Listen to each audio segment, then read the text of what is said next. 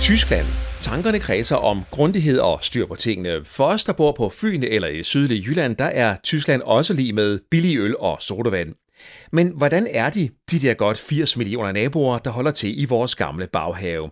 Hvordan er de til teknologi, smartphones, mobilabonnementer og den slags? Hvis man skal sammenligne med det danske marked, hvor vi jo har Telmor og CBB og de der mindre selskaber, det er i Tyskland øh, discount supermarkedskæderne, der står for mange af dem. Så man kan købe øh, Aldi SIM-kort for eksempel, og Lidl SIM-kort.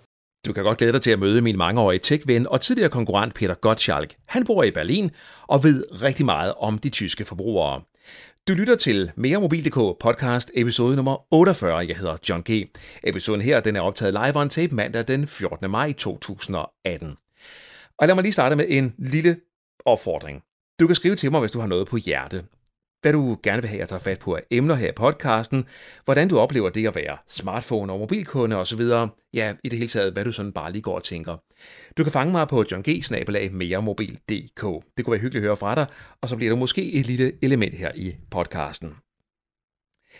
Interviewet, som du skal høre lidt senere i den her episode, har udspring af en mail i en mail fra en lytter, der hedder Ole Jacobsen. Ole Jacobsen, han bor i Esbjerg men mere om det lidt senere.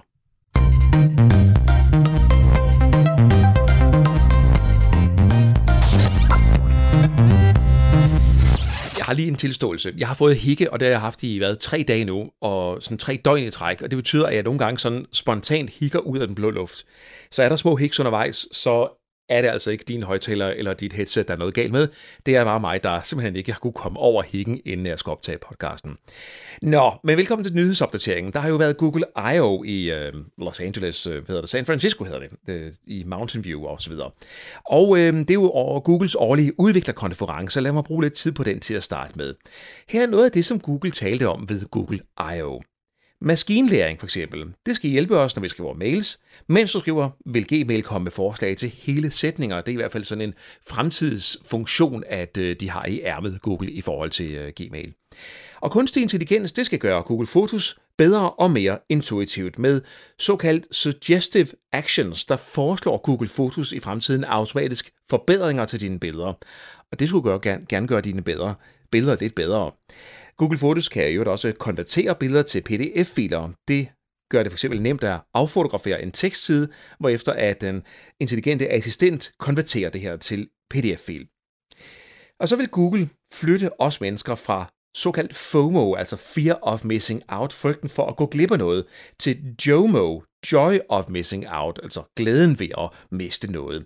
Det vil de blandt andet gøre ved, at YouTube giver dig løbende påmindelser om at tage en pause fra YouTube-kiggeriet, og Google de gør os klar med en række nye tiltag, som de kalder for Digital Wellbeing, som skal gøre os mindre afhængige af de digitale enheder. Jeg tænker ikke, at det kommer sådan helt ud af den blå luft og helt øh, frivilligt fra, fra Googles øh, side selv. Det gør sådan noget jo, øh, jo absolut sjældent. Det er sikkert et øh, pres fra andre side, andre sider, øh, der gør, at man begynder at fokusere lidt mere på det, som vi også har set det fra andre teknologifirmaer. Nå, men nu skal du høre. Google, de vil gerne have, at deres øh, assistent, Google Assistant, skal føles mere naturlig at kommunikere med. Derfor der kommer der nu seks nye stemmer til Google Assistant, hvoraf en af stemmerne er indtalt af skuespilleren og sangeren John Legend. Og det er da lidt af en nyhed, og det er da en kapacitet at få ind på det område, kan man sige.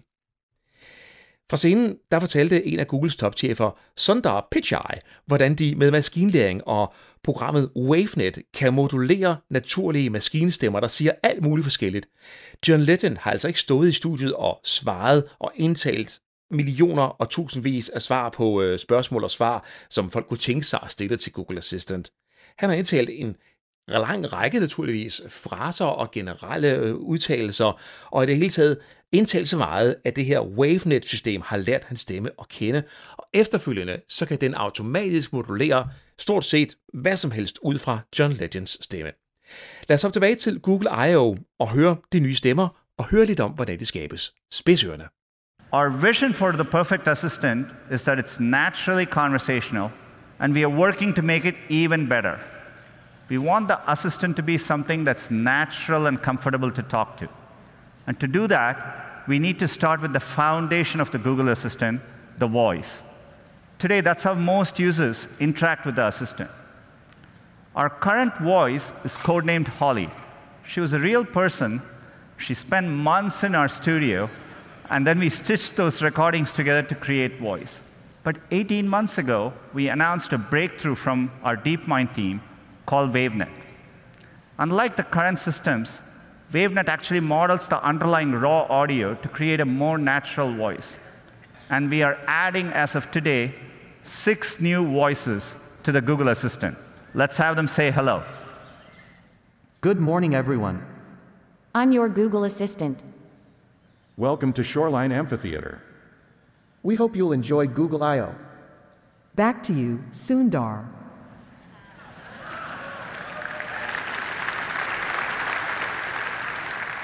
You know, our goal is one day to get the right accents, languages, and dialects right globally. You know, WaveNet can make this much easier. With this technology, we started wondering who we could get into the studio with an amazing voice. Take a look. Couscous, a type of North African semolina in granules made from crushed durum wheat. I want a puppy with sweet eyes and a fluffy tail who likes my haikus. Don't we all? Happy birthday to the person whose birthday it is. Happy birthday to you. John Legend. He would probably tell you he don't want to brag, but he'll be the best assistant you ever had. Can you tell me where you live? You can find me on all kinds of devices phones, Google Homes, and if I'm lucky, in your heart.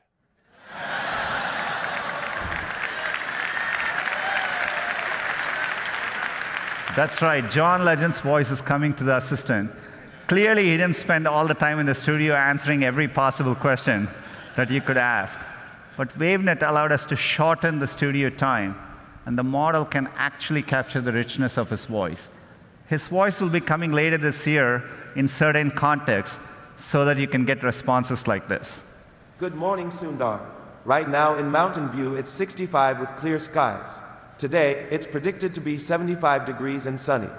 At 10 a.m., you have an event called Google I.O. Keynote. Then, at 1 p.m., you have margaritas. Have a wonderful day.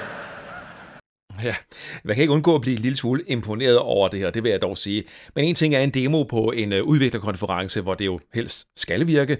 En anden ting er den virkelige verden. Og en anden ting i forhold til den virkelige verden er jo også, at Google Assistant er på vej på dansk, dog ikke med John Legend, og det bliver spændende at se, om Google finder på at finde øh, danske skuespillere frem.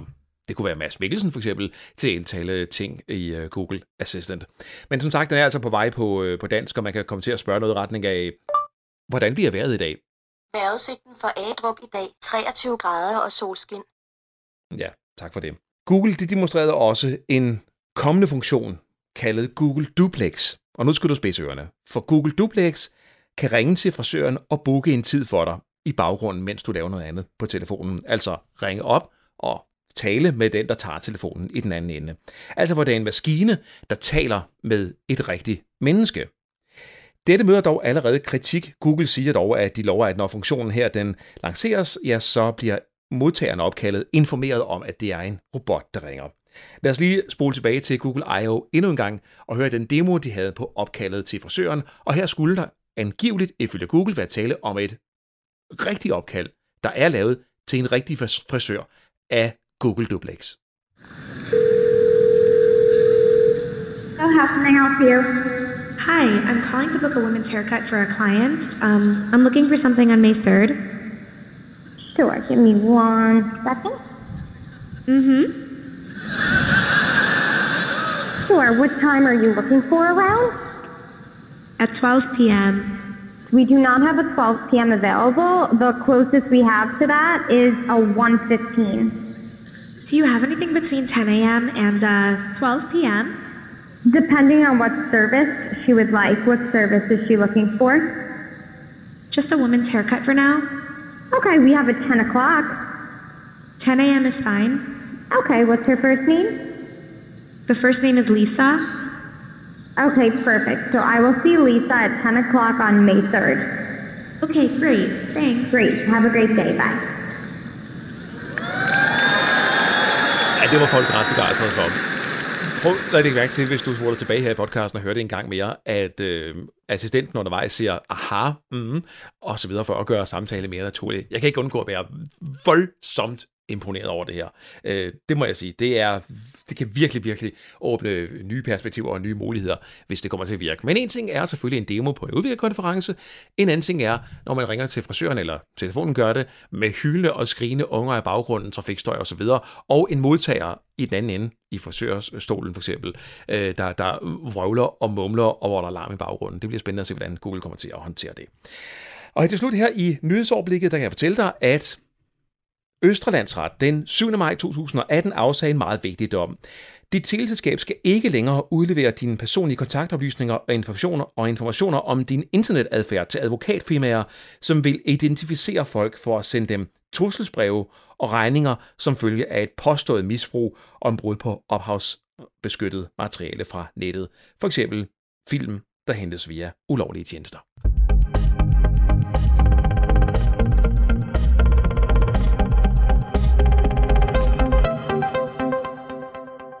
Efter en af de første podcast-episoder i den her sæson, så modtog jeg følgende mail, og her står, Hej John, jeg er en ny lytter til din podcast, jeg er 72 år gammel, jeg er tidligere skolelærer, og jeg prøver bare at følge lidt med i det hele, så børnebørnene også gider at lytte, når morfar taler om mobiler.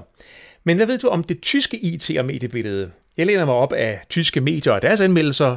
Gør de efter din mening tingene godt eller dårligt, det var Ole Jacobsen fra Esbjerg, der har sendt mailen her. Og nu er jeg jo ikke sådan den store specialist i øh, den tyske IT- og, og mobil- og mediebranche som sådan.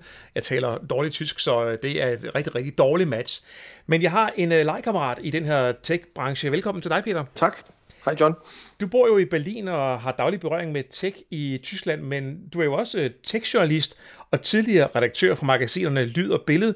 Gear, iPhone-magasinet og Android-magasinet, og alt det løse, som vi har glemt undervejs. Ja, det passer meget godt. Og du bor så som sagt i, øh, i Berlin og, og taler jo i ja. fremragende tysk, så, så, så på, på pære danske, Peter, øh, hvad for en forskel øh, oplever du, der er på danskere og tyskere, når det kommer til mobiler og teknologi? Jamen, der er både store forskelle, og så alligevel ikke så mange forskelle. Det er sådan lidt afhængigt af, hvilke øjne man ser på det med. Øhm, det, der gør en stor forskel, øh, det er pengepunkten og også lidt øh, mentalitet. Øh, på den anden side, så øh, er resultatet det samme. Det skal jeg nok øh, vende tilbage til. Men altså, meget kort fortalt, så tjener tyskerne ikke så mange penge, som danskerne gør. Og det betyder, at øh, de er lidt mere tilbageholdende med at købe de, øh, de helt dyre modeller. Øh, andelen af iPhones i Tyskland er heller ikke helt så høj, øh, som, øh, som den er i Danmark. Øhm, og så er der også en anden, der er også en anden ting, som, altså hvis man er, er vant til lidt øh, grænsehandel og kører ned øh, syd for grænsen og køber billige sodavand eller øl eller så videre, så videre, så har man måske også en idé om, at, at de fleste ting er billigere i Tyskland, end de er i Danmark. Og det er de også på nær mobiltelefoni. Øh, der har tyskerne slet ikke nær den samme grad af konkurrence på markedet, som, øh, som, øh, som vi kender det fra, fra Danmark. Og det betyder, at mobilselskaberne kan binde deres kunder i toårige kontrakter, øh, hvor, så vi jeg ved, er den maksimale længde på en mobilabonnement i Danmark jo et halvt år. Øh, men her i Tyskland, der er det to år, og øh, det betyder også, at man skifter ikke sin telefon lige så tit, fordi man plejer som regel at skifte den, når kontrakten den øh, løber ud. Øh, og både øh, altså taksterne, både for tale og, og, hvad hedder det, og internet, er også langt højere i, øh, i Tyskland. Altså jeg kan give dig et meget godt eksempel.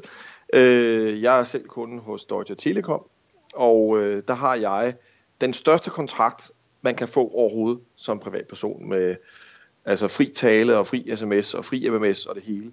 Og så har jeg 10 gigabyte data. 10. That's it. Og det betaler jeg 600 kroner for om måneden. Altså omregnet 600 danske kroner. Det er sådan en øh, aftale, vi har til hvad, 150-200 kroner i Danmark. Ja, lige, lige præcis. Og jeg har også, jeg er også kun hos, øh, hos 3, hvor jeg har 125 gigabyte for 200 kroner. Så, så jo, det er en forskel, der kan mærkes. Og det, de her 10 gigabyte, det er sågar... Øh, det, det, var, det er en fordobling. Da jeg startede med den kontrakt, der var det kun 5. Øh, så hvad hedder det? Så, så det, gør, det gør en forskel. Øh, og øh, derfor så, hvis man kigger på, øh, jeg har forberedt mig lidt på det interview, og har trukket noget statistik. Åh oh ja, det er jo altid godt. Og hvis man kigger på øh, top 10-listen over de 10 mest solgte telefoner i øh, marts 2018, så øh, vil man ikke, man vil ikke undre sig over mærkerne, for det er de samme, som vi kender fra Danmark. Det er Samsung, iPhone, og så er der en enkelt, er der kun en enkelt? Ja, der er en enkelt øh, Huawei med. Ellers er det Samsung og iPhone det hele. Men den mest solgte telefon i Tyskland i marts 2018, det var Samsung Galaxy S7. Okay. Ikke, ikke 8'eren, ikke 9'eren, eller hvad de nu hedder, men 7'eren. Altså en model, der er flere år gammel, og det er fordi, den er billig i dag. Og, og det er det, er det, som tyskerne meget går efter. Det er, øh, de vil godt have god kvalitet, men det må helst ikke koste så meget. den største elektronikkæde i Tyskland, øh, Mediamarkt, de har i årvis kørt en, øh, en øh, kampagne, altså deres slogan er Geiz ist geil, som betyder nære er fedt oversat til dansk. og, og, det, og det er meget sådan, det kører. Altså, øh, udover de store teleselskaber, som i Tyskland er Telekom, som jeg, som jeg har nævnt, og så er det blandt andet Vodafone og O2. Øh, så hvis man skal sammenligne med det danske marked, hvor vi jo har Telmor og CBB og de der mindre selskaber, det er i Tyskland øh, discount supermarkedskæderne, der står for mange af dem. Så man kan købe Aldi SIM-kort for eksempel, og Lidl SIM-kort. Øh, og det er der rigtig mange, der gør, fordi det så er, er, er den billige løsning. Ikke? Og det er det samme med, med, med telefonerne, at, at øh, man går efter det, der er billigt. Og det er derfor, at Apple ikke har lige så stor en andel øh, af det tyske marked, som, som de har i Danmark. Er det stadig over 50 procent af det danske marked, øh, som der står iPhone på? Ja, det er noget i den retning. Altså nysalget, det er sådan 6 ud af 10 telefoner på en top 10 liste, det er iPhones øh, ja. i Danmark lige nu. Altså i, i Tyskland, der har Samsung 45 procent af markedet. Øh, og så står der, hvad hedder det, Apple og Huawei og andre producenter på resten. Øh, og hvis man, hvis man lægger det sammen, altså så har Samsung, Apple og Huawei 87% af markedet. Og så alle de andre kan så dele som resterne. Så som du beskrev til at starte med, Peter, så er, er der forskel på, på danskere og tyskere, og vi kommer så ind i, i pengepunkten her, at det er øh, ja, billige produkter til, til god kvalitet. Hvis jeg lige skal tage en afstikker her, så kan du bare lige vurdere, eller ikke vurdere, om du svarer på det, men, men der er jo en trend i øjeblikket i mellemklassesegmentet, altså i danske kroner telefoner omkring øh, 3.000 kroner. Øh, jeg, jeg tænker sådan ud fra det, du har sagt her, at det må jo komme til at gå vanvittigt godt i øh, Tyskland med den slags øh, telefoner. Jamen, det, det, det gør det jo også, men, men, men hvis man kigger på modellerne, igen, hvis jeg kigger på min uh, top 10-liste her, ikke, så er den øh, eneste sådan, at der er en to-tre mellemklassemodeller på listen. Øh, den, der er højst øh, på listen, som er sådan en klassisk mellemklassemodel, det er Samsung Galaxy A5. Øh, den er på en 6. plads over de mest 10 solgte telefoner i marts. Så har du iPhone SE på en 7. plads, og så ned på 9. plads, så kommer Huawei øh, P10 Lite. Men ellers, så er det faktisk øh, mere typisk, at man køber tidligere års topmodeller. Altså både S, Samsung Galaxy S7, Samsung Galaxy S8, iPhone 7 øh, og Samsung Galaxy S8 Plus er på den her top 10 liste fra marts i år.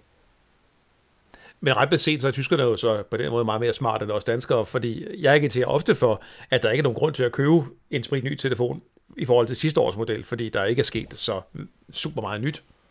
Det, øh, det kan du have meget ret i. Altså, øh, der er jo også et, øh, et spørgsmål i det, som din læser skriver, der handler sådan lidt om, hvad med de tyske medier og anmelder og sådan noget, hvad kigger de meget på og sådan noget, ikke?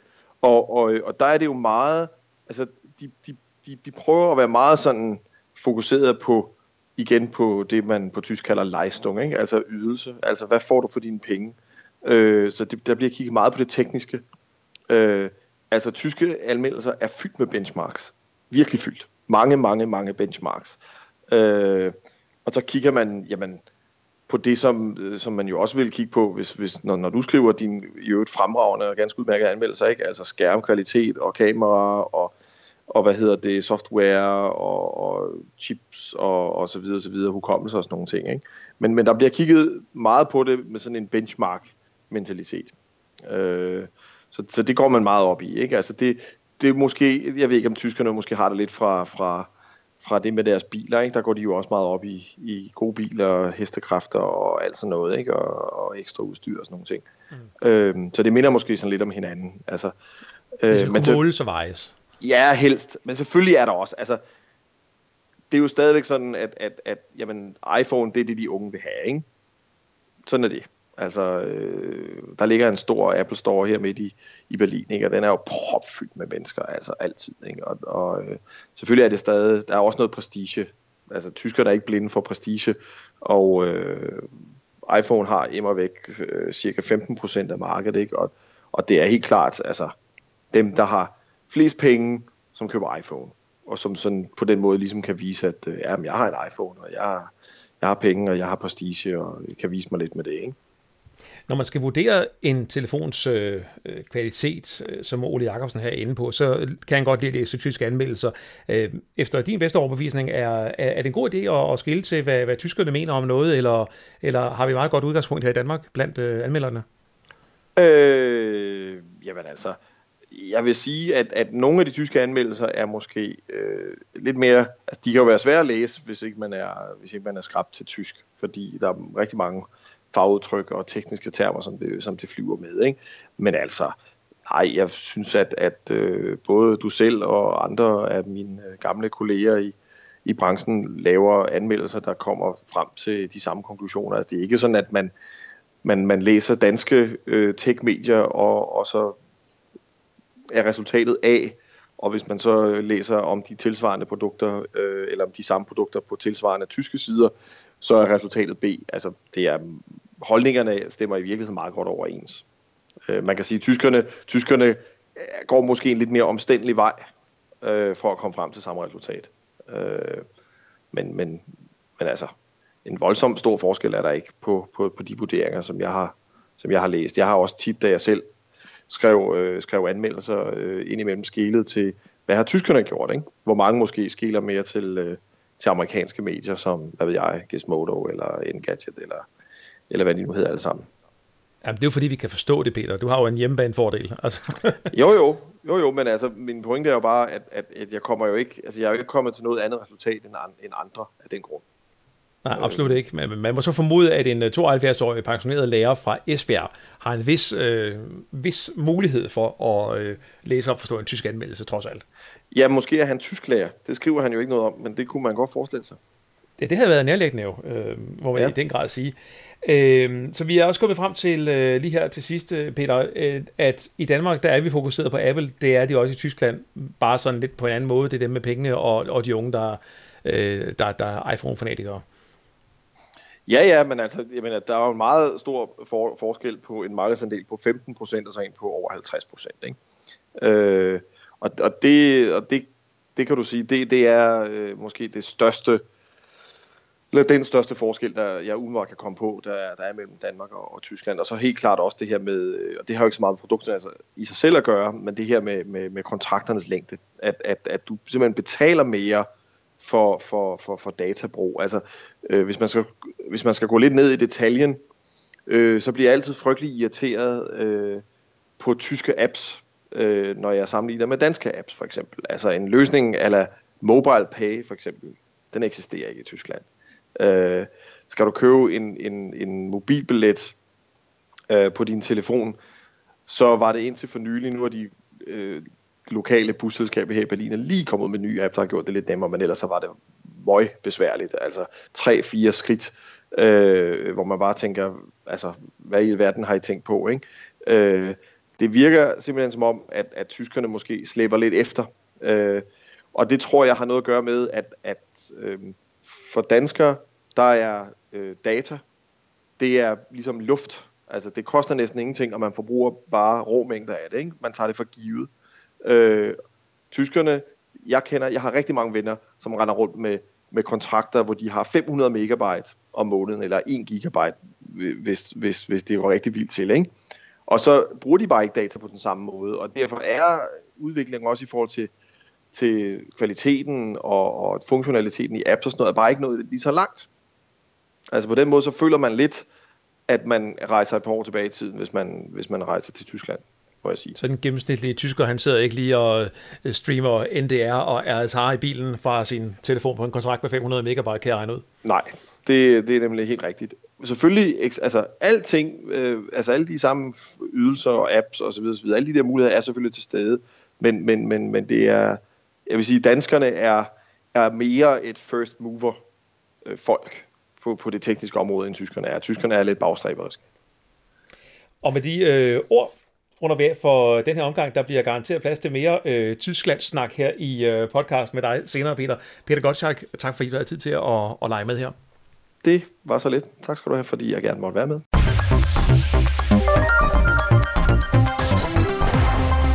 Peter Gottschalk med mangeårig teknologividen direkte fra Berlin på et Skype-opkald her for forleden dag. Jeg håber, du blev klogere, tak til Ole Jacobsen fra Esbjerg for at sende den her mail til mig med et forslag til et emne, som vi kunne tage fat på. Det var så herved gjort. Ja, det går meget godt med hikken, kan jeg måske lige indføje, indføje det, som jeg startede med at sige, at øh, det var jo sådan lidt, øh, jeg skal jeg sige, problematisk at begynde at hikke midt i en podcast, men øh, det er gået meget godt sådan indtil videre i hvert fald. Nu ser vi, om det holder resten af vejen. Jeg vil rigtig gerne høre fra dig, der sidder og lytter med netop nu. Ja, lige præcis dig og dig og dig. Du må gerne sende en mail med dine inputs til podcasten. Gode og dårlige inputs, altså ros og ris, er meget velkomne. Du er også velkommen til at komme med idéer til gæster og så videre. Det kan også være dine egne personlige oplevelser, noget du har oplevet, som du synes er mega fedt, eller mm, absolut det, det modsatte. Alt er velkommen. Du kan fange mig på John G. meremobil.dk, John G. meremobil.dk, og så vil jeg ydmygst tillade mig at bruge det som et øh, element i øh, podcasten, når du skriver til mig, hvis der er noget spændende at tage fat på. Lyttermails her i podcasten præsenteres i øvrigt i samarbejde med Panserglas. Det er dem, der laver glas til din telefon. Jeg sidder med et af dem her, øh, som du kan lægge ovenpå for- eller bagside. Der er også kommet et nyt Karoline Wozniacki øh, panserglas med privacy filter i, blandt andet som en øh, del af, af det nye lineup fra øh, Panserglas. Giv dem et tjek på deres hjemmeside, eller tjek dem ud i forretningerne. Jeg er i hvert fald selv den, og det er ikke bare fordi, at de er medsponsor i podcasten, men jeg vil sige, jeg sætter konsekvent altid panserglas på mine telefoner, selvom det er låntelefoner, fordi jeg synes, det er så ærgerligt at, øh, at, at, at smadre dem. Og, og det sker jo altid, når man har børn, og man i det hele taget bare er voldsomt uforsigtig. Skriv til John G. meremobil.dk, når øh, du vil i kontakt med mig her i podcasten, og må det ikke, vi finder et panserglas eller to til dig, der skriver ind, hvis du skriver, hvilken telefon du har, og hvilken du mangler.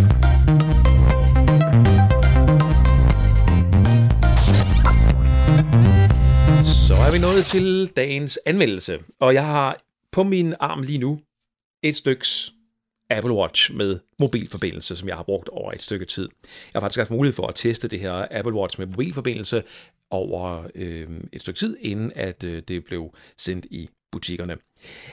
Og øh, det skal måske lige sige, at den hedder Apple Watch Series 3, og så er der cellular eller mobilforbindelse skrevet, og det er ikke det samme som Apple Watch Series 3, den der kom i efteråret.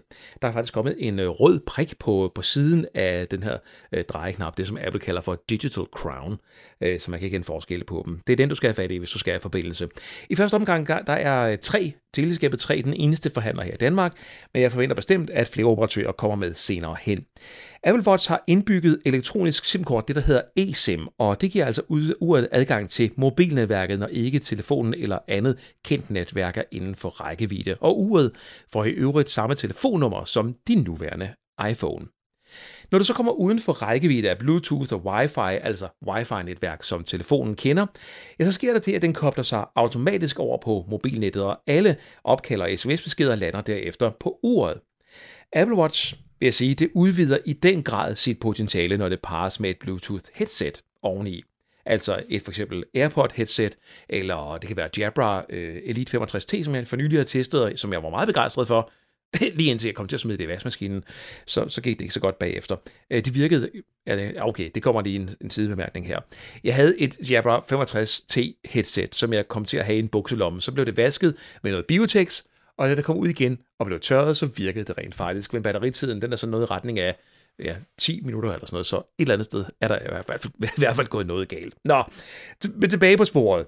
Øhm, du parer det med et øh, sæt AirPods eller et andet øh, headset med, øh, med, øh, med Bluetooth, som du selv vælger.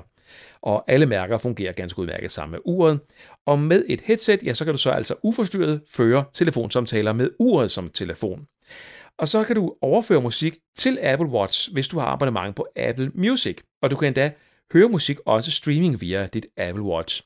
Spotify understøtter desværre ikke den her mulighed endnu. Med andre ord, læg din smartphone derhjemme og brug udelukkende Apple Watch til at gå øh, til, til at bruge på gå- eller løbeturen, eller når du for eksempel er på besøg hos venner, så lad telefonen blive hjemme. Du skal nok få det vigtige opkald eller de vigtige beskeder direkte på uret, fordi det har mobilforbindelse. Nu vil jeg sige, at et smartwatch altså for alvor er blevet rigtig smart. Men ingenting kommer gratis i den her branche. Du skal lægge et abonnement på 360 kroner om året for at få mobilforbindelse på dit Apple Watch. Og jeg kan sagtens forestille mig, og se for mig, at jeg selv på mødedage uden for kontoret udelukkende er bevæbnet med min iPad Pro med tastatur, et Apple Watch og et headset. Hvis du har et CS2 eller CS3 ur uden mobilforbindelse, så behold det bare lidt endnu. For selvom det her det er øh, mega smart, og man synes, det er woo, sådan lidt øh, fancy, øh, at man ikke kan det, så er det jo på absolut ingen måde en uundværlig funktion. Vi er så småt ved at nå til vejs ende i den her podcast episode nummer 48. Skriv som sagt til John G. Snabelag mere mobil.dk, hvis du har kommentarer til podcasten her, eller noget, du gerne vil af med i forhold til emnerne, så er, det, så er du meget, meget velkommen. Men husk også at skrive en kommentar og en anmeldelse i for eksempel iTunes eller andre steder, hvor det er muligt at anmelde podcast, så vi kan rykke højere op på, øh, så vi kan rykke højere op på hitlisterne. Det går faktisk egentlig meget godt inden for teknologikategorien, og det er takket være alle jer, som øh, går ind og stemmer, anmelder og øh, skriver en anmeldelse i forhold til podcasten her. Så tusind Tusind tak for det. Mere Mobil.dk podcast skal også høres på Næstved Lokalradio og ECFM. Og hvis du har lyst til at distribuere podcasten, så er du meget velkommen til at kontakte mig. Det er sådan, at podcasten her bliver stillet gratis til rådighed for dem, der ønsker at distribuere den. Den næste episode, det er episode 49. Den udkommer mandag den 4. juni. Mit navn er John G. Tak fordi du lyttede med.